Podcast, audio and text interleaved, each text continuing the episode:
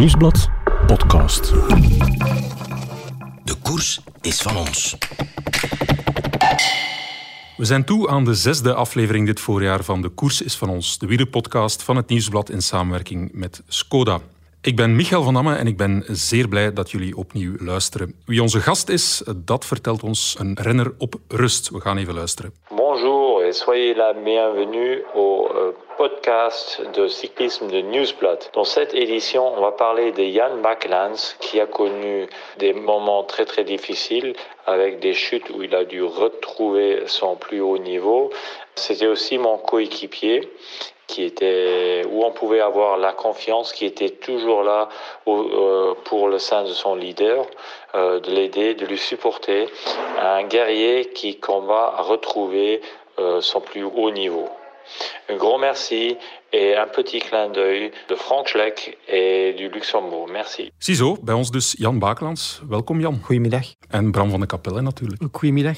Uh, we zijn hier uh, in het rennershotel van Intermarché Wanty-Gobert. En dat is op een uh, speciale locatie gelegen. De, ik ging zeggen Plas Philippe Gilbert, maar eigenlijk is het Square Philippe Gilbert. Jan, Amstel gereden. Ja. The day after, hoe is het? Moe, hè? zoals iedereen zal zijn die dat gisteren gereden heeft. Ja. Nog energie voor de podcast? Uh, ja, het zal moeten. Hè. Het zal van uw vragen afhangen. oei, oei, oei, De druk ligt direct hoog. Goed, um, de man die jou uh, introduceerde, Frank Schleck. Mm -hmm. Twee jaar mee samengekoerst, ook met zijn broer uiteraard, Andy. Goede herinneringen aan? Absoluut, ja. Het ploeg waar ik mij zeker het tweede jaar zeer thuis voelde. En uh, ja, waar ik misschien ook wel mijn mooiste periode gekend heb. Ja. Dus ja, mooi. Ja. Kom je me af en toe nog tegen? Of kom je ze af en toe nog tegen, de broers? Uh, af en toe op een wielerbeurs uh, werkte Frank denk ik voor Mavic. En dat is de laatste keer waar ik hem ook gezien heb. Denk dat dat op veel verlies was in, uh, in 2019. En ja, altijd slaan we wel een praatje. Hè. Ja. Heb jij ooit met hem een koers gewonnen? Nee, dat is niet gebeurd. Nee. Ik heb wel... Ja, we hebben een keer samen in 2012 Luik-Bastenaken-Luik gereden. En, maar dat was voor de ploeg geen succes. Hè. Um, ik heb toen wel vooral in dienst moeten rijden. Ik heb toen op de Stokkeu zeker nog een stuk op kop gereden. Daar zijn beelden van. maar dan uh, begon het te regenen en uh, ja, de mannen kregen kou en begonnen nog regenjasjes aan te doen vlak voor uh, La Redoute hier, vlak voor de afdaling van Oregaar. Ja, die hebben daar ik weet niet veel posities ver verloren. En ja, op de Redoute dan ging het allemaal in stukken. En dan ben ik met Frank nog wel een hele tijd bij hem geweest tot aan de voet van de Rochefaucon. Andy was, was weg ondertussen. En de rest van onze ploeg eigenlijk ook. en op de Rochefaucon ja, was Frank dan in een groep voor mij. Maar ja, dat was zeker niet voor nog van prijs te kunnen spreken. Ja. Bram, uh, misschien moet je eens vertellen, hoe, hoe ken jij Jan? Hoe hebben jullie elkaar uh, leren kennen als journalist, renner? Ja, vrij grappig. Um, ah, bon. Ik was uh, geen stagiair meer, maar ik was in between stagiair en vaste post bij het Nieuwsblad in ja. uh, 2013. En ik mocht uh, Jan Bakelands interviewen, want een paar maanden eerder had hij zijn toerit in Corsica gewonnen. Mm -hmm. En ik mocht een reconstructie maken. En mm -hmm. ik had dan via de ploeg, mocht hij dan bij Jan langskomen om een interview te doen. En dat was eigenlijk mijn eerste echt grote interview, zo, allez, man op man. Zo. Niet op de koers, maar zo op, bij hem thuis. Een interview met Jan Bakelands, dat was toen een groot interview. Ja, want hij was toen een van de mannen van het jaar, dankzij die zege die gele trui, onder andere. En een podcast met Jan Bakelands is toch ook iets groot, Michael? Ja, ja, ja, ja. zeker, zeker. En dat interview was, uh, vond ik vrij tof, uh, ondanks de zware stress bij mij waarschijnlijk. En hij kende mij niet, dus dat was ook een beetje onwennig. Ja, nadien heb ik geleerd dat in interviews eigenlijk het beste eigenlijk verteld wordt na de opname. Dat je zo wat kunt eh, Ja, doorpraten en ja, eh, ja, wat kunt eh, duiding geven. En dat meestal langer duurt dan het interview zelf. Ja. Maar toen was dat niet zo, want ik was zo nerveus dat ik meteen nadien zei dankjewel en naar huis ging. En ik was zo nerveus dat ik mijn opname, eh, opnemertje vergeten was aan tafel. Mo. En ook niet had op, op stop gezet. Oei. Eh, dus ik stap in mijn auto en eh, ik wil naar huis rijden. Ik zeg, godverdomme, die opname. Ja. Ehm, en ik bel terug aan. Ik zeg, ja, eh, ik ben mijn opname... ja, opnemertje, moet je dat zeggen? Opnemertje Ja, vergeten. En ehm, dat was nog aan het opnemen op de tafel. Maar het wil nu dat dat moment dat denk ik, Jan een, een, een ruzietje of een geschil met, de, met zijn toenmalige vriendin, altijd tijd, eh, Daphne. Ja. En hij zei zo, ja, ehm, ik wil wel dat je dat niet beluistert. Want ze hadden om iets van de reden een ruzietje gemaakt. Ja. En eh, ik heb dat nooit niet beluisterd. Eh, dus ik heb altijd die opname... Ik heb dat nog altijd, ik heb dat niet meer, maar ik had dat lang bewaard. Ja. En ik heb altijd meteen gestopt na mijn laatste vraag. Amai. Want ik, was, ik, wou dat, ik wou dat eigenlijk niet horen. Om, ja, ik weet niet waarom. maar Ik had dat zo Ik word er beloofd. nog altijd en- mee gechanteerd. Nee, dat is niet waar. Maar ik heb er nooit naar geluisterd. En, uh, maar het was wel grappig dat ik dat had. En ja, het was... Uh... Ook meteen een moment van, hij, wat moest hij vertrouwen? Ja, ja, ja, wel straf dat je hem vertrouwde, Jan. Uh...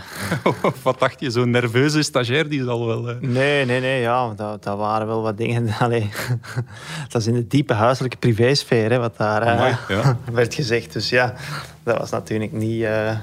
niet om te luisteren. Maar je vertrouwde hem wel, want hetzelfde geld had je gezegd van ja, sorry, maar... Het is een kleine wereld, hè. Ja. Jij weet ook dingen van hem misschien of zo? Nee, totaal niet, maar ja. Sindsdien hebben we wel contact gehouden. En ik heb ook met Jan uh, een paar keer zijn uh, column in de Tour en zo gemaakt. Ja. Dus uh, ik heb wel een vrij correcte band met Jan. Ja. Zelfs na dat incidentje met de opname. Ja, het vertrouwen werd onmiddellijk getest. Goed, we gaan erin vliegen. Uh, we hebben de Brabantse Pijl gehad, de Amstel Gold Race, Ronde van Turkije en voor de echte wielernerds zelfs uh, de Ronde van Valencia. Keuze het over dus voor een moment van de week. Het moment van de week. Jan, wat heb jij uh, gekozen? Ik heb gekozen voor Wout van Aert, omdat hij de Gold Race wint en ja, de kroon op een ongelooflijk voorjaar zet. Ja. Um, ongelooflijke polyvalentie en ja, ongetwijfeld momenteel de beste Belgische renner die we hebben. En misschien uh, bij uitbreiding zelfs, ja. Minstens een van de vijf beste renners in de wereld momenteel. Ja, ja, ja. want gewonnen, Gent-Wevelgem, Amstel... Tweede in Terreno, tweede in de eindstand. Uh, ja, waanzinnig als je zijn 14 koersdagen bekijkt. Denk ik vier zegens. Drie keer tweede, drie keer derde. Ja. Twee keer niet in de top 10. Ja, um... ja. Vind jij dat terecht, eh, Jan? Stel dat hij de Amstel niet had gewonnen. Sommigen zouden bijna spreken over een een matig, een oké voorjaar. Vind je dat terecht? Want die, die lat ligt toch heel hoog voor, uh, voor hem? Um, goh, ik vind dat niet terecht, omdat ik zelf weet hoe moeilijk dat is om tot die prestaties te komen. Maar aan de andere kant weet ik ook, ah, ik kan gelukkig van op de eerste rij een beetje zien hoe dat hem in elkaar steekt en hoe dat hem hard is voor zichzelf, vooral. En ja, als hem dan tweede wordt in een Brabantse pijl en we gaan dan een dag nadien losrijden en gaat het niet. Ik word hier nog altijd tweede nadat ik hem al anderhalve maand polyvalentie ten top toon, nee, dan gaat dat toch vooral over hoe, hoe komt het dat ik dat niet heb kunnen winnen. En dan wordt er echt ja, in samenspraak met zijn trainer, Mark Lamberts, naar oorzaken gezocht. En ja, dan is het uitgangspunt, de volgende moet beter zijn. Ja. En ja, het straffen is dan dat het dat ook heel vaak, ik zal niet zeggen keer op keer, maar toch wel heel vaak waarmaakt, zoals de zondag nog. Ja. En nog eens zie je hoe klein dat verschil is tussen uh, spreken van goed ja. En geweldig, hè? want ja, uiteindelijk, het is, dat was nu echt uh, twee millimeter of minder. Ja. En ja, natuurlijk maakt dat een wereld van verschillen. Ja. En Jan gaat ook uh, regelmatig met wat gaan uh, losrijden, dus hij zal hem zeer, zeer goed kennen. Ik herinner mij nog heel goed, grappig. Um, twee dagen na het WK in Imola had uh, Wout ook met Jan een ritje gedaan.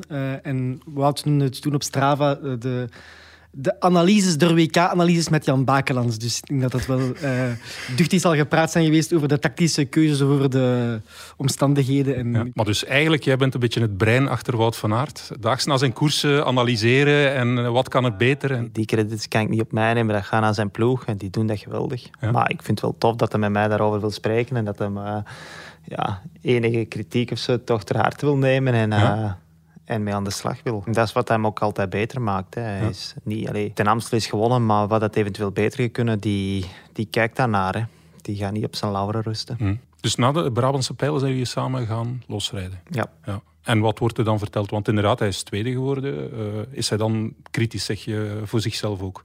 Ja, hij zegt alleen ja, ik snap dat niet. In de ronde had ik op het einde een gevoel dat ik leeg liep en nu werd ik dat weer. Mijn sprint was niet goed, waaraan ligt dat? En dat wordt echt uh, tot in de puntjes uitgezocht. Ik denk dat Mark Lamberts dan uh, echt veel werk heeft die dagen om met een gedegen uitleg te komen, fysiologisch gezien dan. En iedereen wordt daarin betrokken. En, uh, ja. en jij bent een beetje klankbord dan? Nee, ik luister mee en ik zoek ook mee. Soms denk ik, Wout, je zei misschien wel wat te hard voor jezelf. Want tweede is nog altijd echt een super resultaat. En ja, wat dat wij als Belgische media ook een handje van weg hebben, dat is als iemand anders dan een Belg de koers wint, dan wordt daar rap gekeken welke fout heeft de Belg gemaakt. Mm. In plaats van de credits te geven aan de winnaar en te zeggen van, amai, hoe geweldig sterk was die om bijvoorbeeld Wout te kloppen.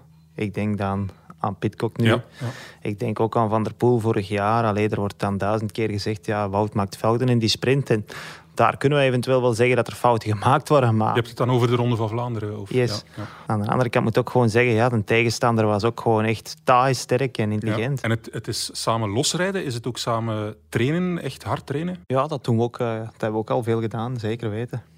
Is er uh, de, de, de ruimte voor uh, in jullie programma's? Want ja, we horen bij Jumbo-Visma dat het toch allemaal heel erg gestructureerd is. Dus... Ja, nu minder. Hè. Bij periodes uh, lukt dat beter. Hè. Vorig jaar in de lockdown hebben we veel samen getraind. Als we nu samen op pad gaan, zijn dat meestal maar ja, kortere, gemakkelijkere ritten. Hè. Want hoe ver wonen jullie van elkaar eigenlijk? Zeven kilometer of zo. Zeven kilometer. Mhm. En wie rijdt naar wie? Oh, dat hangt ervan af. we hebben geen vaste tijdstippen. We vertrekken allebei nogal geregeld vroeg. Ja. En uh, ja, we rijden elkaar tegen en dan uh, ja. van daaraf. Wat ik mij dan afvraag, babbelt hij ook over jouw prestaties dan? Dan zegt hij dan bijvoorbeeld uh, voor jou brandmaatschappij dingen van dat heb ik gezien Jan of dat vond ik... Uh, of probeert dat ook dan? Of? Ja, minder momenteel ja. Allee, Wout zit altijd super geplaatst. Hij heeft ook een ploeg die hem beter plaatst dan mij. Ik moet er uh, een beetje tussendoor rijden, dus heel veel ziet hem niet. En ja, ik ga zeker niet zeggen dat momenteel zo superieur is dat ik echt in de buurt kom.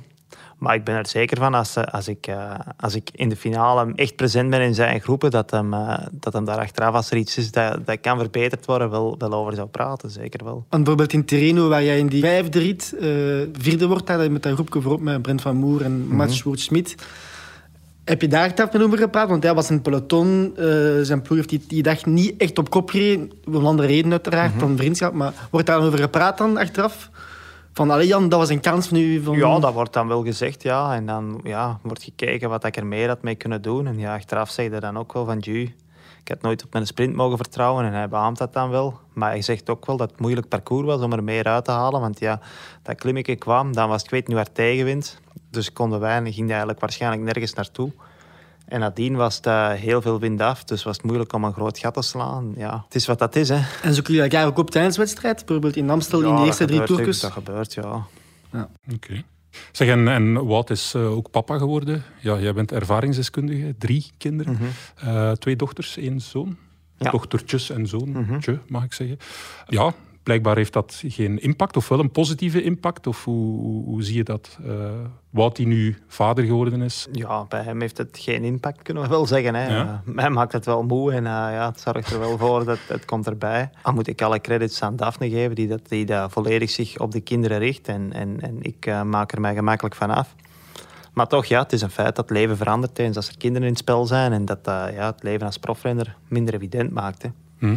Nu denk ik dat dat bij Wout wel minder speelt, omdat dan van high naar high voortgaat. En dan is het makkelijker om opofferingen te doen dan ja. als die beloning toch vaak uitblijft. Hè. Hm. Maar je zal toch wel eens een nacht uh, minder slapen, neem ik aan? Zelfs al, al cijfert jouw partner uh, zich weg? Ja, dat, dat, gebeurt, maar ik denk niet dat ik dat volledig op de kinderen mag schuiven. Ik denk dat ik gewoon soms slecht, slecht slaap, uh, zonder dat dat met de kinderen te maken heeft.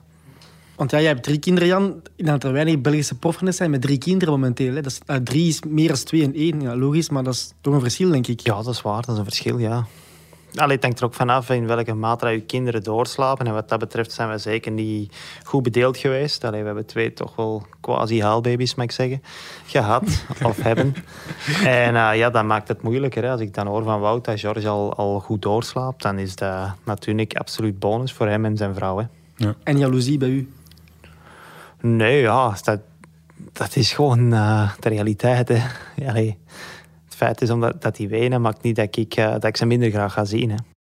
Natuurlijk, het zou het, het makkelijker maken als ze, als ze zichzelf kunnen bezighouden. Hè. Maar ja, helaas hebben wij die chance niet. Heb je ooit al geprobeerd of is er een kans geweest om met uh, Wout in de ploeg te rijden samen? Want als hij, als hij bij jou een klankbord ziet en een trainingsmakker ziet voor los te rijden, ja, kan dat misschien wel ook voor hem een soort van ja, een wegkapitein op termijn worden op in een of andere opzicht? Ja, termijn, dat gaat dan toch rap moeten gebeuren, stilletjes aan. Hè. Um, ja, um, goh, helaas is dat, is dat allee, niet echt aan de orde geweest, nooit niet. Maar uh, ja, het zou natuurlijk wel een droom zijn om, uh, om voor zo iemand te kunnen rijden. Hm. Het is... Uh, allee, het, het, geeft meer voldoening als je een job hebt en die naar behoren kunt uitvoeren. Of je moet je voldoening uit resultaten halen. En like na een Tirreno dan zeg ik nog wel eens, ah, zie, het komt toch nog. Maar natuurlijk, ja, dan in Catalonië valde en ja, wordt het hier ook een beetje een zoektocht naar de beste benen. En ja, het niveau is natuurlijk heel homogeen geworden achter die tiental toppers. En vanaf als je een procentje minder zei, slaagt het resultaat natuurlijk ettelijke plaatsen verder achteruit. En ja, gisteren, ik blijf erbij dat ik beter was dan de 63ste plaats. Maar het is wel de realiteit dat het 63ste is. En dat dat natuurlijk iets is dat je niet warm maakt. Of waarvan dat je achteraf zegt, amai, dat is een resultaat waar ik energie van haal om, om, er, om er terug in te vliegen. En als je dan kunt rijden voor een kopman, die, die, altijd, die toch vaak de koers, eh, de koers wint, dan haal je natuurlijk ook wel energie uit het feit dat je je steentje hebt kunnen bijdragen aan die overwinning. Vind nu wel dat je streng voor jezelf bent ook. Gevallen in Catalonië en zo, ja, terug pas terug aan het koersen enzovoort. Nee, ja, maar we moeten er uh, geen doekjes rond binden. Hè. Ja, nee? Niet goed is niet goed, hè. En slecht is slecht, hè. voilà. Recht voor de raap, hè. Ja, en dat zijn twee strenge boys. Uh, daar, uh... En wat vind jij van Van Aert dit jaar het strafste wat hij gedaan heeft? Los van zegens of van... Wow, zonder twijfel Tirreno. Hè. Een, een, een zuivere massasprint winnen. Een zuivere tijdrit winnen. Dat is tegen mannen die eigenlijk ten dag voordien niks hebben moeten uitsteken en, en frisser zouden moeten zijn als, als hem.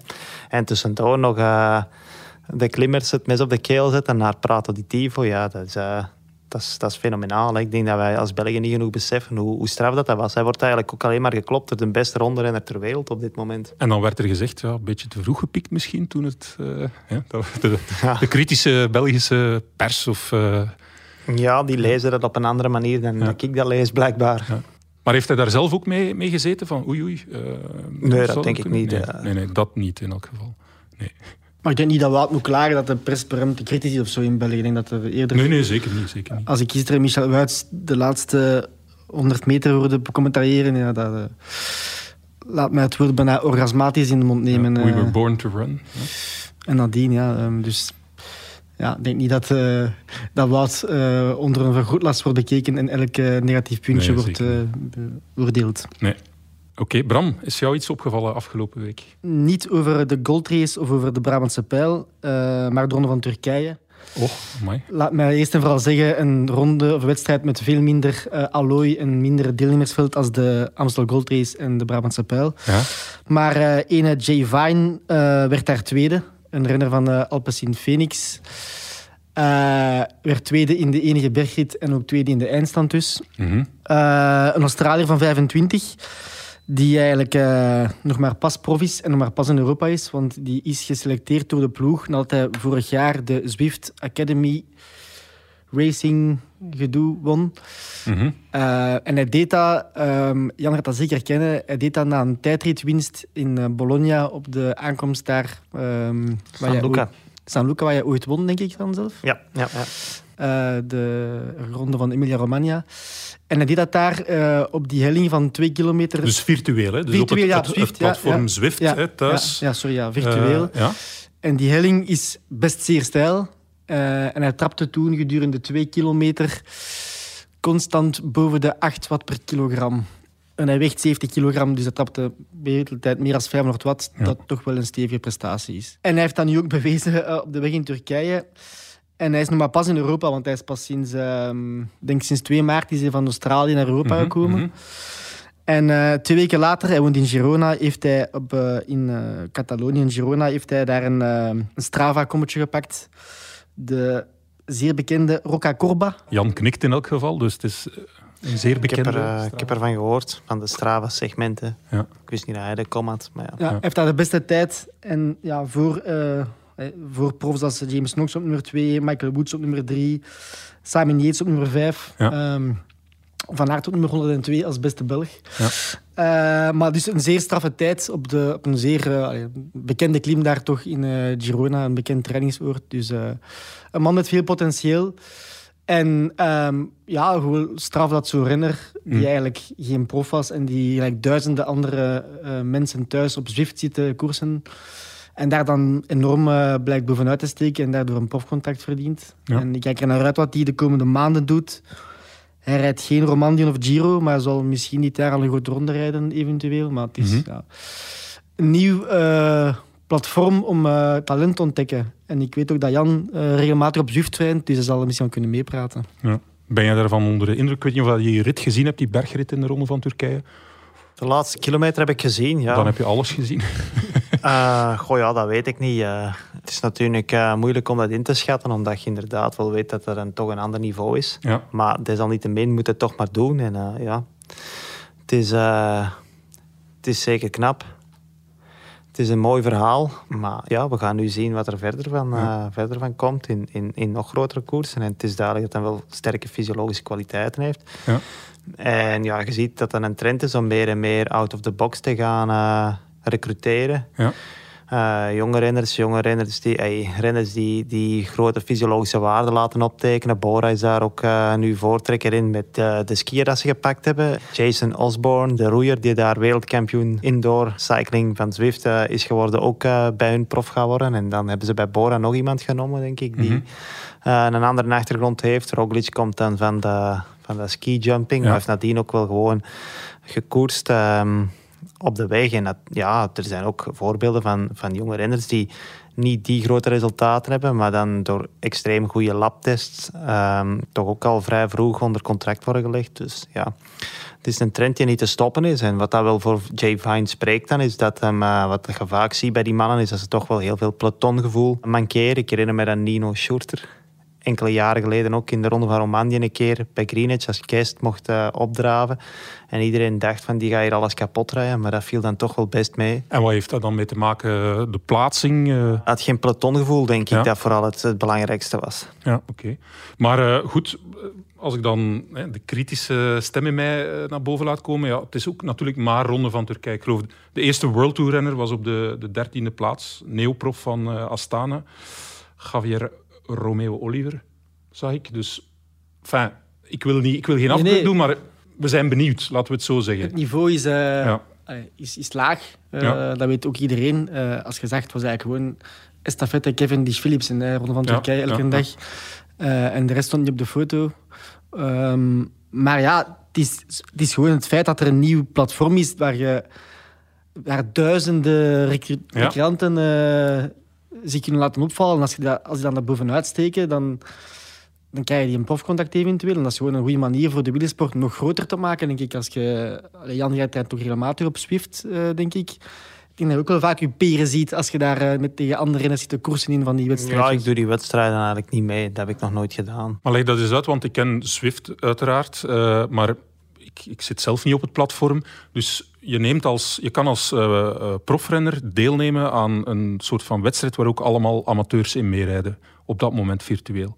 Ja, dat zou kunnen. Ja. Er zijn uh, van die koersen die daarop georganiseerd worden. Ja. Um, meestal is dat gewoon voor de fun, denk ja. ik zelfs. Maar er zijn er ook een paar. Like nu, ja, het is deze jaar de eerste keer dat ze dat wereldkampioenschap Zwift hadden georganiseerd. Mm -hmm. En dan is dat wel echt voor de knikkers. En inderdaad, uh, er zijn mensen die zich nu echt toeleggen op dat alleen maar op Swift koersen. En die echt zo e-racing gaan doen. Momenteel staat er nog wel in zijn kinderschoenen. Maar de verwachting is dat dat zou doorbreken en dat dat belangrijker en belangrijker zou worden.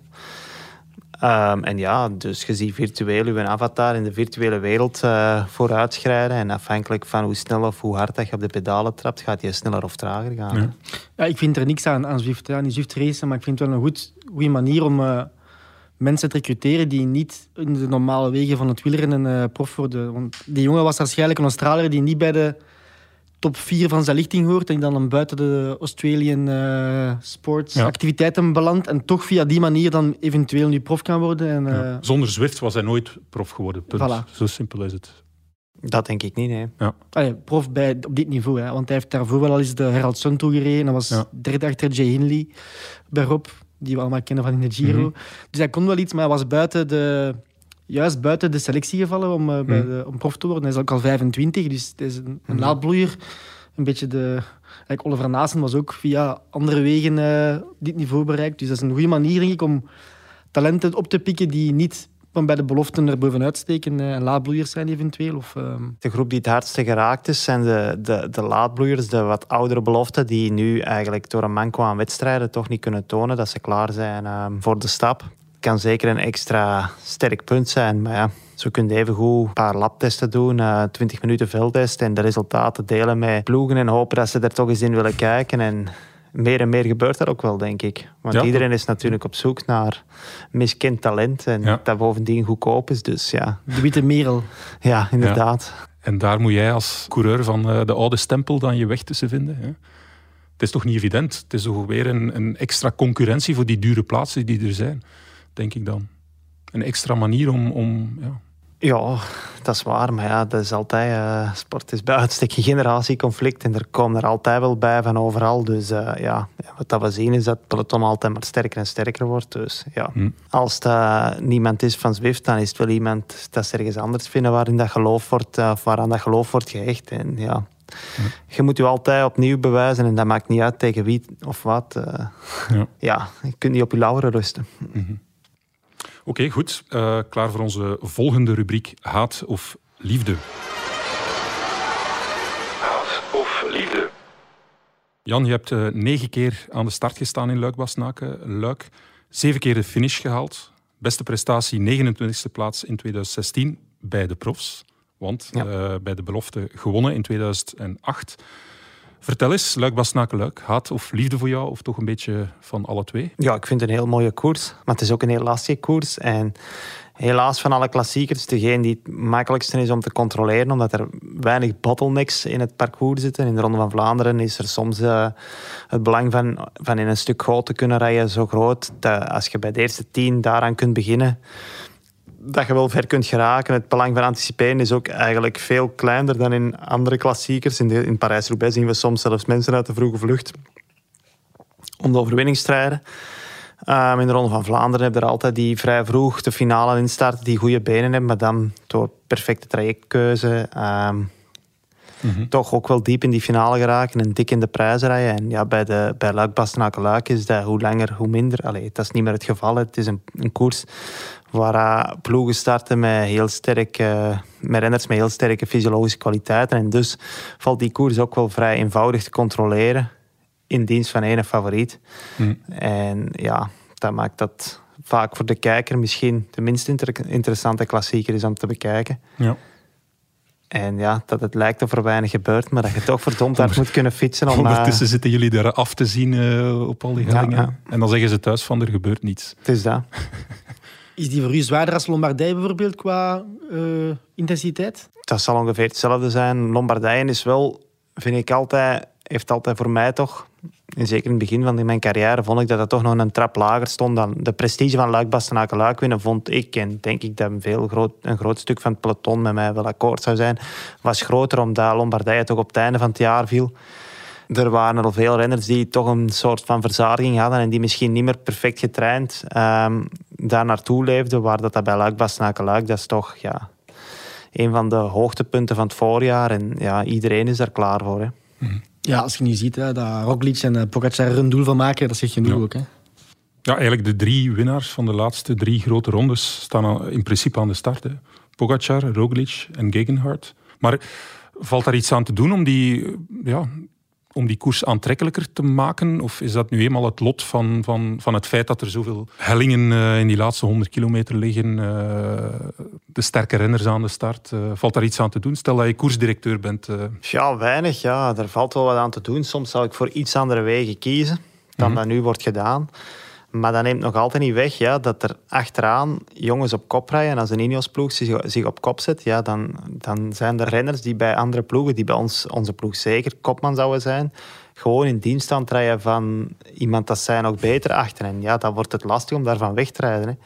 Gisteren ook uh, vond ik dat de finale redelijk snel losbarstte. Maar als je dan gaat kijken, rijden wij de laatste twee uur, denk ik, 44 gemiddeld. Mhm. Ja, als je dan een gat wilt slaan en daar gaan langdurig voorrijden, dan moet een rap rijden aan 44 per uur. Ja, dat is natuurlijk niet simpel. Hè? en ja, dan krijg je een voor de kijker misschien saaier koersverloop. Maar ik denk dat niemand zal zeggen dat het gisteren gemakkelijk was. Nee, laatste 20 kilometer als kijker was uh, interessant. De laatste keer Kouberg. Maar eigenlijk daarvoor was het ook uh, heel lang wachten. Hè? Ja, als kijker, hè? Als kijker. Ja, laatste 40 dan vond ik wel boeiend. Daarvoor, ja, ja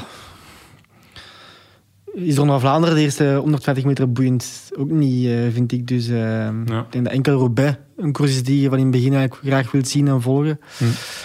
Um, ja, ik vond het wel een boeiende koers en ik vind ook leuk een boeiende koers. Ja. Uh, het is gewoon andere namen en ja, totaal andere, andere koersingesteldheid ook. Hè. Het, is, um, het gaat gewoon niet om daar vanaf de stokkeu weg te rijden tot, aan, tot in Luik? Of het is niet meer van deze Ja, tijd? dat, dat is een mogelijkheid dat je kunt doen, hè, maar dat is dan echt een televisieattack. Hè. Dan, dat is echt om in beeld te komen, want ja, ze volgen ook snel op elkaar. Hè. En ja, je kunt op de stokkeu een gat slaan en dan pakt je 10 seconden.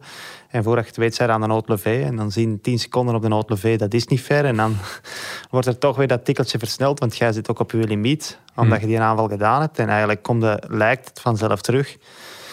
En ja, denk is vooral dat de deur van achter open staat. Hè. En ja, ze gaan er elke keer overboord. En aan het einde komen we dan aan de Rochefoucauld en dan draaien de echte toppers hun gaskraan volledig open. En dan, ja, dan stel je vast eh, dat dat te snel gaat. Hè.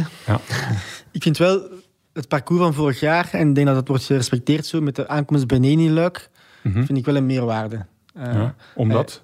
De gaskraan gaat nu open op de Rochefoucauld, waar dat ze voordien ook nog wisten, ja, als de bied komt er nog Saint-Nicolas, dat is weer een kilometer aan 10% gemiddeld. En daarvoor hadden ze dan nog Aans vroeger zelfs, en dan zeiden ze, ja, kan ik eigenlijk ook wachten tot daar en ik ben explosief genoeg om het verschil te maken. En ja, je schoof alleen maar op, hè, want door je actie te doen, ik zeg het, het, gat je, het grote gat slaag je toch niet.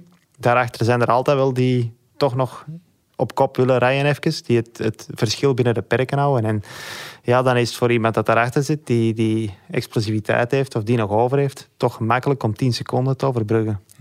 En ook los daarvan de, is nu de aankomst langs, langs de Maas op de Rode Boulevard. Het heeft toch wat prestige. Vroeger was dat op de parking van de Pizza Hut en de McDonald's in Aans eh, van boven. Hè. Michael, je bent ook nog geweest vroeger. Ja, inderdaad. Eh, Troostloze plek. een aankomstzone van een winkelstraat met, van een Brico en een, eh, en een Aldi. Ja, voor een monument is dat toch wel vloek in de kerk. Als je ziet dat de Lombardije aankomt eh, aan het komen meer. Als je aan Luik daar komt eh, ja, in een industriebaan van, eh van. Het is natuurlijk ook wel een industriestad, dus misschien past het wel een beetje bij het rauwe karakter. Dan zouden we in Serrain moeten aankomen voor de Sambre. Maar nu is, het, ah, nu is het en het is ook spannender, want er kan worden gesprint. Snap je? Ja, ja. Er komen mensen terugkeren in de afdaling, waaghalzen. Het, het heeft iets meer aantrekkingskracht. Ja. Vind ik persoonlijk. Hè.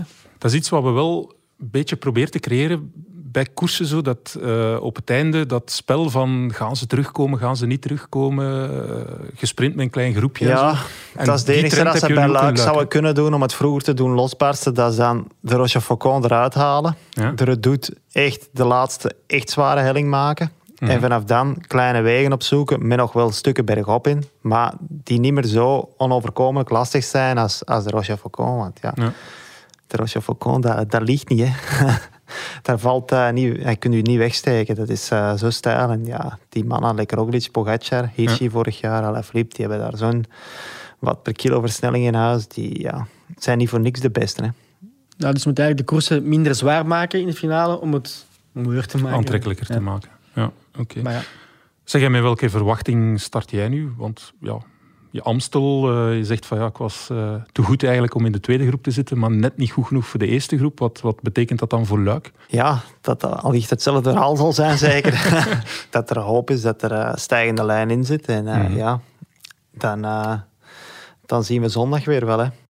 en die Luik, Bas Luik voor belofte, tegen wie was dat je toen won? Weet je dat nog? Oh, dat is lang geleden. hè. Ja. 2008, ja. Ik weet dat ik dat jaar veel gewonnen heb. Dat was uw, uw topjaar bij de belofte. Hè? Ja, ja. Ik weet dat je vaak ook Thomas de Gent tegenkwam, maar ik weet niet of dat het in die koers... eh, ja, natuurlijk. Bij de belofte rendeert het om een beetje. En dat deed ik ook toen eh, op zijn Thomas de Gent rijden. Van vroeg te gaan en alles kapot te rijden. Ja. Maar nu, ja, ik zeg het, dat peloton is zo sterk dat die een tactiek al snel eh, niet meer goed genoeg bleek bij de profs. Dus Ja. moet echt gaan specialiseren en het goed doen op één moment. Ja. Als je in die klassiekers zult meedoen, en ja, dat, eh, dat blijft lastig.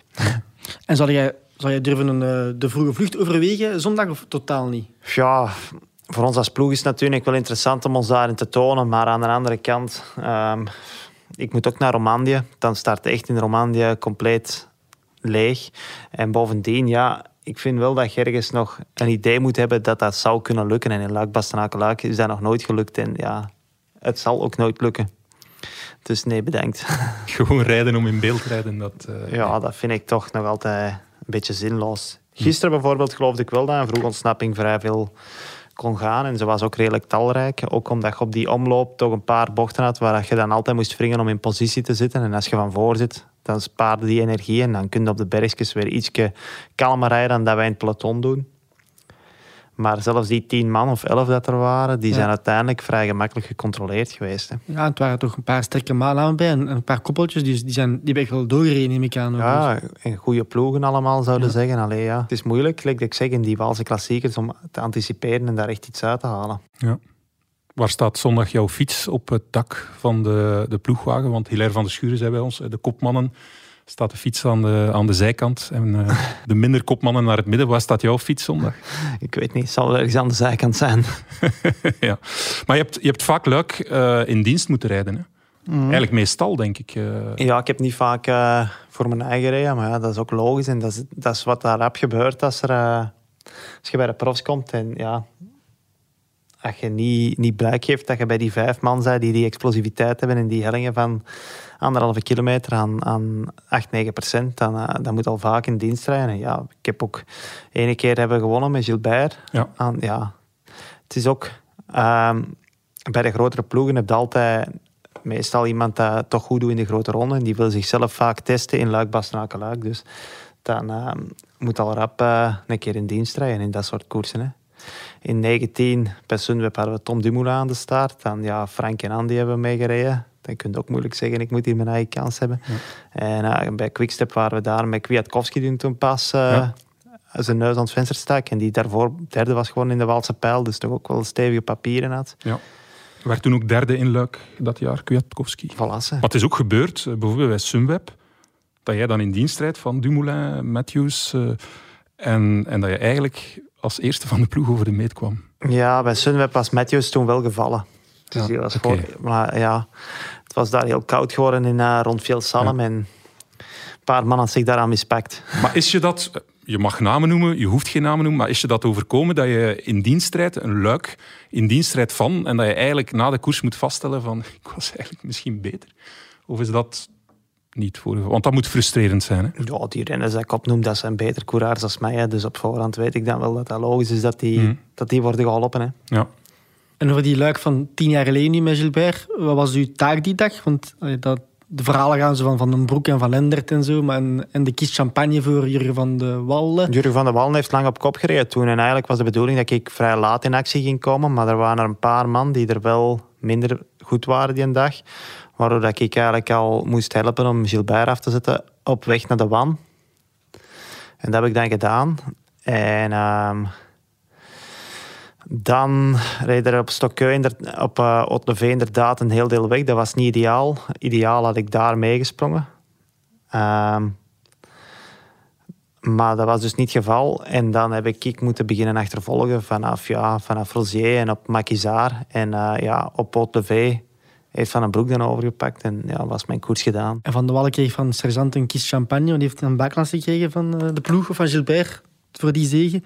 Oh, van Gilbert kan ik niks verkeerd zeggen. Dat was, uh, die was heel erkentelijk altijd. Um, ja, en van, van, van Dink heb ik niks gehad. Uh, dus daar moeten we misschien eens over klappen dan, hoe dat, dat juist zit. Bij deze een oproep. Hè? Moet niks hebben van een ander. Voor stil aan tijd is 2011. Met interest misschien bij. In cryptomunten. Ja, dat mag, dat mag. Ja, dat is nog interessant. Goed, we gaan even luisteren naar een boodschap van onze sponsor Skoda. Wist je dat Skoda 125 jaar geleden begon als fietsenmerk? Pas na 10 jaar volgde de eerste Skoda-auto. Al die tijd werd Skoda gemaakt door en voor fietsers. Geen koers zonder Skoda. Skoda. Simply clever. En nu quiztijd. Tinkers. De 10 op 10 quiz dat is de makkelijkste quiz ter wereld, althans voor de quizmaster. Ik stel slechts één vraag en ik verwacht van jullie 10 perfecte antwoorden. Hier gaan we. Wat zijn de 10 oudste eendagskoersen in het wegwielrennen? Dus de oudste eendagskoersen in het wegwielrennen. En natuurlijk, ze moeten vandaag nog steeds gereden worden door een internationaal profpeloton. Dus probeer zoveel mogelijk namen van de oudste eendagskoersen ter wereld. Wie begint? Bram? Zeg eens. Het is verleidelijk om uh, Luik te zeggen, omdat La Doyenne is, maar ik ga het niet doen. Ik zou kikken doen aan Luik.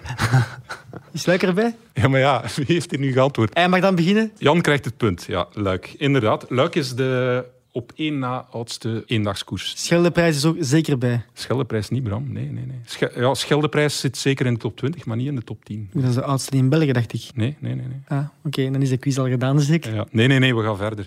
Uh, dus... Uh, Jan, jij mag nog een eh, antwoord geven. Parijs-Roubaix. Inderdaad, dat is de op drie na oudste koers. Dus twee punten voor eh, Jan. 1896 eh, werd die georganiseerd. En dus Lu- Luik Bastenaken-Luik was 1892.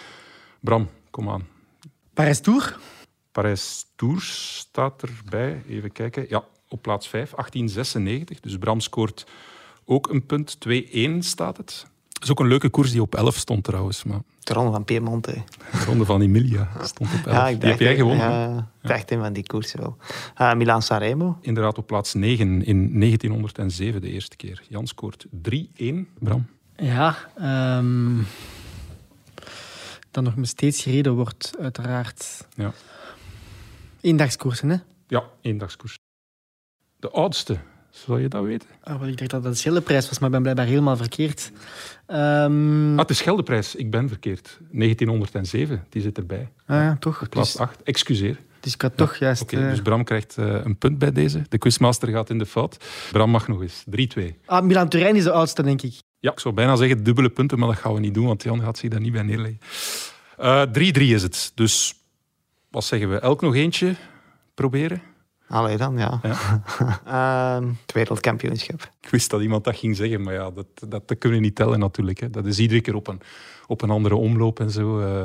nee, het gaat over echt eendagkoersen die onder die naam nog bestaan en zo. Oh, Jan kijkt verongelijkt. Voor mij zijn één dagskoers. Heb je nog een idee? Eh, Eigenlijk heb je er al één genoemd. ja, de ronde van Piemonte. Ja. Inderdaad. De Ronde van Piemonte 1906 op plaats eh 7. Net één jaartje ouder dan de Scheldeprijs. We hebben er nu zeven genoemd, dus er zijn er inderdaad nog drie te geven. Er zit ook nog een, een eh, Belgische koers bij. Niet de Ronde van Vlaanderen. Ik zou bijna denken Gent-Wevelgem. Eh, nee, nee, nee, De Walspijl. nee. Die zit ook goed. Die zat ook zeker in de top, maar niet daar. Parijs-Brussel misschien. Eh, Die wordt niet meer gereden, hè? Een Brussel Classic. Ja, dat is niet meer Parijs-Brussel, hè. Ja, kijk, die had ik er wel bij staan. Maar ik zal het maar eh, afsluiten op eh 4-2 voor Jan Bakelands, want anders ga ik hier miserie hebben, denk ik. Parijs-Brussels op 3. Maar inderdaad, dat heet nu de Brussels Ja. Cycling Classic. Ja. Jan, je hebt gewonnen met 4-3. Goed. Oké. De koersen die we nog eh, ontbraken, dat was het kampioenschap van Vlaanderen, Koolskamp 1908. Amai. Ronde van Lombardije is niet genoemd. Ja, ik dacht ook dat ik Ja. dat nog moest noemen. 1905. Ik wou het juist te zeggen, hè. En dan, wat missen we nog? Dus de oudste Milaan-Turijn, 1876. Dan twee Luik-Bastenaken-Luik, 1892. Drie Parijs-Brussels, 1893. Vier Parijs-Roubaix, 1896. Parijs-Tours, ook 1896. Ronde van Lombardije, 1906. Piemonte, Scheldeprijs, Milaan-San Koolskamp. En dan op 11 Ronde van Emilia. Gewonnen door Jan Bakelands. Ja, een eh, verdiende zege. Eh, niks op aan te merken. Oké, goed. Dan gaan we over naar onze laatste rubriek. De pronostiek. Tijd om onze glazen bol op te poetsen. Jan, wie wint Luik Bastenaken Luik volgens jou? Ehm, Valverde. Oeh. Hola? Ben je nu serieus? Ja, ik denk dat hem zeker een goede kans maakt. En ik zou gemakkelijk kunnen houden. En ik zou Roglic zeggen. Maar ja, het zou misschien schoner zijn als Valverde wint. En is hij even goed als hij drie jaar geleden was, denk je? Of je hebt er nu al mee gereden in peloton, eh, Jan? Ik vind hem toch de laatste wedstrijden wel extreem goed, ja. Ik heb vorig jaar gedacht, eh, het is gedaan. En Ja. dat kreeg bevestiging in de ronde van de Emiraten. Ja. Maar dan zijn hem in die drie weken... moet hem toch goed gewerkt hebben. Want eh, ja, het is, eh, het is terug gelijk voorheen, zou ik zeggen. ja. Want hij won, of het was twee dagen in, in Indurain al eh, voor... Ja, het is eh, niet over die overwinning dat we spreken, hè, maar hij was toch wel heel sterk in ehm, Catalonië. Hij was ook echt wel goed in eh Baskeland. Baskeland. En in een dagskoers. En dan 260 kilometer. En hij was gisteren toch ook eigenlijk wel Ja, heel een- goed. Hè. Hij was Ja. vijfde, dus ja, Ja. in een sprint met veel man nog. Met papier zelfs mannen, dat je zou zeggen, die moeten die toch in de sprint eh, kunnen, kunnen aanleggen. Die, hij wordt dan toch vijfde. Er moet maar één iemand voor hem zijn geweest. En dat was dan nog Matthews. Hij is ook iemand die bewijst dat het vaderschap te combineren is met topprestaties op de Absoluut, koersfiets. absoluut. Drie kinderen ook zeker, hè? Net Dat weet ik niet. Goh. Nog niet over gesproken met hem? Nee. Nee, nee, nee, nee. Ik spreek geen Spaans en Valverde spreekt moeilijk eh, andere talen ook. Ja. Dus je hebt eigenlijk nog nooit met hem woorden gewisseld in, in de koers? Nee. Bah, een paar dingen, maar niks echt... eh, Vloeken in het Spaans. Nee, nee, nee, nee. Ja. Valverde is een heel respectvolle renner. Hè, ja. Die Ja, zeker. Je kunt hij in de weg rijden en die gaat nooit van zijn oren maken. Die gaat gewoon rustig daar rond. Ja. En Hij pakt u wel terug. Nee, eigenlijk niet. Dat is, ja, dat is een kampioen. Hè. Het is oké, die komt in mijn weg rijden, maar dat hoort bij part, dat is part of the game. Ik ga die niet uh, uitmaken voor het vel van de straat. Ik rijd daar subiet gewoon rustig voorbij en Ja. dan is de kous af. Is hij een beetje een voorbeeld voor jou ook? Want eh 38 jaar is hij. hè? Nee, hij, is- hij wordt 40. 41 zondag. 41, excuseer. Hij wordt 41 zondag, ja. Dus dan heb je wel nog een paar jaar te gaan. Hè? Ja, ik weet niet of ik het zo lang moet eh, uitmelken. Het bewijst wel eh, zoveel generaties die, die gekomen zijn. En toch blijft hij in die, eh, ja, in die jonge generatie zich staande houden, presteren. Ja, hij zal fysiologisch wel goed bedeeld zijn geweest. Ehm, beter dan mij en veel van de andere renners rondom hem. En ja, dan is het natuurlijk een feit dat als je altijd voor de prijzen rijdt, het wel makkelijker is om opofferingen op te brengen dan eh, als je soms al eens afvraagt. Ja, ik heb nu ook hard getraind en toch niet echt eh, resultaat van gezien. Dus ehm, dan wordt dat moeilijker. Hè. Ook in uw entourage valt dat moeilijker te verdedigen dan. Hè. Merk je dat zelf ook? Want je hebt tot 2022 een contract. Hè? Ja. Ja. Zou dat een rol kunnen spelen van hoe... Allee, dat zal een rol spelen, zeg je, maar hoe dat je presteert eh, op dat moment nog? eh, ja, er is ook echt een jonge generatie die daar is. En Ja. ja. je moet daar niet per se willen blijven tussenrijden omdat je schrik hebt van het normale leven dat eraan komt of weet ik veel wat. Dus Mhm.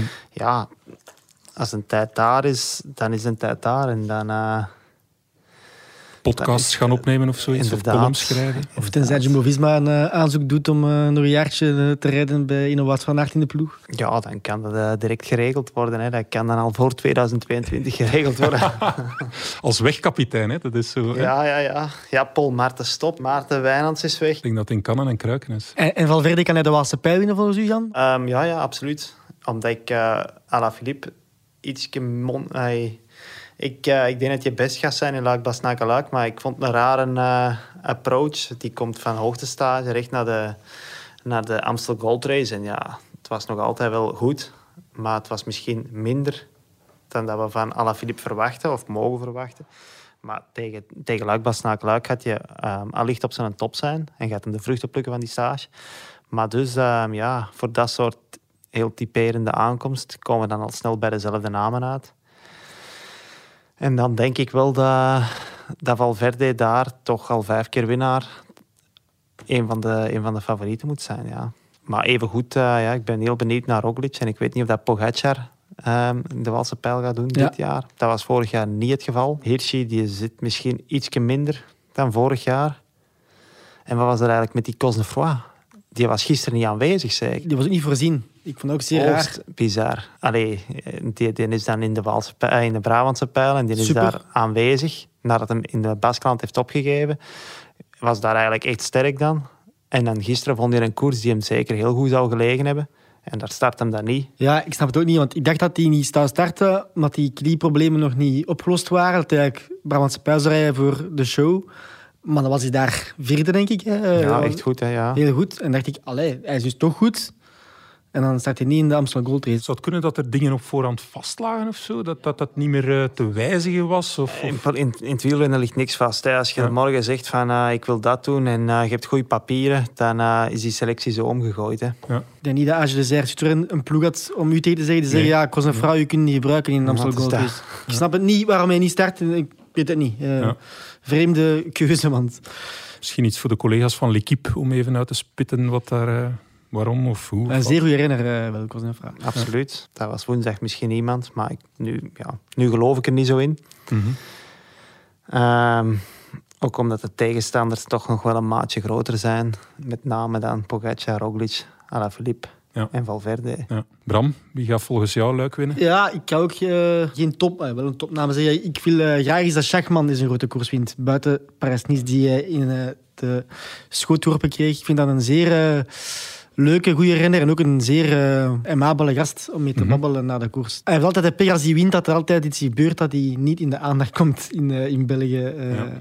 Dus ik wil dat hij is grote koers dat, hij, dat de mensen ook eens vreemd warm lopen. ik vind het echt een, een zeer, zeer goede renner. Hij was gisteren volgens mij misschien de beste man in koers, denk ik. Want hij was bij die val van Mari ook betrokken en hij komt nog terug. Terugkeren in die finale in Amstel is helemaal niet simpel. En toch rijdt hij nog uh, weg met Tom Pitcock en Van Aert. Dus ik ja. vond het zeer straf. Maar uh, ja, goed, had hij die koers kunnen winnen? Want met die twee uh, mannen, ja, die zijn sneller. Die, hoe, hoe- Hij heeft eventjes geprobeerd aan te zetten. Eh, maar ja, als dat dan niet lukt, tja, Ja, hij heeft geen sprint zoals die twee anderen, Nee. dus dat is moeilijk. Maar Nee. in Luik met die afdaling kun je wel, als je daar met drie, vier man bent, kun je wel beginnen spelen, denk ik. Eh, dus ehm, ja, ik hoop het dat hij een nieuwe naam is. Mhm. En ik ben ook benieuwd naar Vugelsang eigenlijk, want die valt me een beetje tegen eh, dit jaar voorlopig. hoe oud is die intussen? Dat is ook, eh, 35. ja, dat is nog jong, hè? Jan? Hij heeft de jeugd, hè. Ja. Schachman, eh, leuke collega, sympathieke collega, ik weet het niet. Ja, ik ken die niet zo goed persoonlijk, maar ja, inderdaad. eh, Dat is Duits zeker hè, dat hij spreekt. Die zal ook wel Engels spreken, zeker. Nee, nee, maar dat is, dat is, ik ben ook wel fan. Ik denk dat hij een goede renner is. In dezelfde categorie plaats ik ook Davide Formolo. Ja, maar Ook ja, altijd goed in Luik, Bastenaken, Luik. Pogacar en Hirschi in de ploeg. Ja, het is dat, dat wordt trummen. Hè. Of dat kan net zijn geluk zijn, als ze dan toch beslissen van misschien iets vroeger eh, de koers open te trekken. Maar ja, niet vergeten dat die eh, twee jaar geleden toch eh, tweede of derde waren. Hè. Schachman en, eh en Formolo. Achter Vugelsang. Ja. Dus eh komt allemaal terug. Ja, oké, eh, interessante naam. Zeg Jan, eh, mag ik daar eens naar vragen? In oktober eh, had jij, vorig jaar had jij covid-besmetting. Ondervind jij daar nog iets van? Of is dat helemaal weg uit je lijf? Goh, ik, ik weet het niet. Ehm, ik, ik merk wel dat ik nog altijd niet, niet echt goed ruik. De smaak is wel beter. Ja. Maar ruiken blijft toch een heikel punt. Ja, maar dat is toch geen nadeel in de koers, hè? Nee, nee, natuurlijk. Ja. Als je dan ziet dat die effecten nog aanwezig zijn, dan Ja. kun je niet volledig uitsluiten dat er, ja, like dat ik zeg, het, het laatste percentje ontbreekt momenteel ook nog. En Ja. ja natuurlijk was er die val in Catalonië. Ja, Maar ehm, in uh, Tirreno Adriatico vond ik het ook met hoogtes en laagtes. En je kunt niet uitsluiten dat daar toch ehm, nog ergens anderhalf procent is achtergebleven Ja, die dat daaraan te wijten is. En, eh, ja, Zit dat in je hoofd, dat dat misschien? Of denk je daar soms aan van, hm, zou dat kunnen, dat? Of... Ja, je moet daar niet te veel aan denken, want dat zorgt ook niet. eh, voor situaties waarin dat je weinig eh, aan kunt veranderen. Hm. Die toch buiten je handen liggen, maar ja, die dat die dat nu binnenkort misschien toch nog eens even verder bekeken moeten worden. Maar ja, de wetenschap eh tast ook nog wel wat in thuister eh, over hoe verrijkend dat, dat COVID nu exact is. Mhm. Er worden toch ook veel neurologische problemen aan toegeschreven momenteel. Mhm. Meer en meer, dus ehm, ja, af te wachten. En niet goed kunnen ruiken, want je drinkt ook graag eens een glas wijn in het eh, tussenseizoen. Ruik je dan niet wat je wil? Of heb, heb- is dan bijvoorbeeld, ik kan geen citroen van een limoen onderscheiden? Of van, eh, hoe, moet ik dat dan Ja, dat, is, voorstellen? eh, dat is moeilijk geworden. Ja, Bram, stel u voor, dat zou voor jou een ramp zijn, hè? ja, als wijnliefhebber. inderdaad. Het is het worst case scenario. En praat je daar met andere renners over die misschien een besmetting gehad? Caviria bijvoorbeeld, die is twee keer besmet geweest. En, en ja, ik heb ook de indruk dat dat eh, toch in zijn lijf nog hangt. Ja, Of maar hij, was al, aan- spelen- hij ja. was al niet meer op zijn top eh, van bij Quickstep. Hè, dus... Maar praat je daar soms over met andere renners? Want ik kan me voorstellen dat je misschien wel nieuwsgierig bent van ja, hoe zit dat bij jullie? Heb, heb, heb jij daar ook last van gehad? Eh, Ja, nog echt van? veel over gepraat heb ik daar niet. Ja. Ik dan- denk dat er ondertussen veel zijn die, die het toch gehad hebben. mhm. Het komt, eh, het komt in gradaties blijkbaar en ik moet het toch redelijk goed te pakken hebben gehad. En er zijn er anderen, ook echt heel goede renners, die, die momenteel ook echt eh, potten breken. Die het even goed gehad hebben en die dat zeggen dat ze het niet gemerkt hebben. Dat ze het pas later hebben gevonden bij, Ja, bij een of ander bloedonderzoek. Dus ja, ik denk zoals met alles in het leven, kunnen daar geluk of ongeluk mee hebben. Maar als jij een gelke pakt van citroen, dan kun je dat soms niet smaken. Dat is Nee, pff, dat is niet waar. Eh, heel gezouten dingen. En, en het, het smaken proef ik perfect. Hè. Chips, dat weet ik dat dat chips is en zo. Hè. En, eh, Ja. Maar ja, die, die finesse die, dat je in wijn kunt terugvinden, die, eh, die is soms toch wat zoek. Maar training kan daarbij helpen, of niet? Dat is geurtraining, dat ze aanraden. Hè.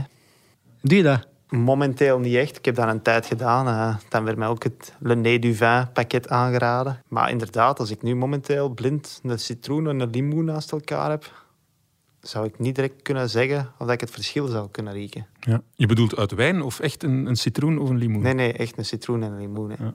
Oké. Toch eh, bijzonder, maar ook een beetje vies eigenlijk dat dat zo is. Ik hoop dat het allemaal niets blijkt te zijn en eh, dat het goed komt. Mag er niet aan denken. Ja, voilà. Goed. We zijn aan het einde gekomen van onze podcast. Zoals steeds zijn we dan een beetje bedroefd, maar ook dankbaar. Dank aan onze gast in eerste instantie Jan Bakelands. Vond je het een beetje fijn? Af en toe. Oké, daar zijn we al blij mee. Dank ook aan zijn ploeg Intermarché Wanty Gobert om hem eh, een uurtje, of is misschien iets langer, uit te lenen. Dank aan uh, Bram van de Kapelle. Graag gedaan. Dank aan onze trouwe partner Skoda, het Nieuwsblad. En we sturen ook een uh, virtuele knipoog terug naar Luxemburg, naar Frank Schleck. Dank aan House of Media om ons goed te laten klinken. En uiteraard dank aan jullie beste luisteraars. We zijn er volgende week opnieuw graag met jullie. Het Nieuwsblad. De koers is van ons.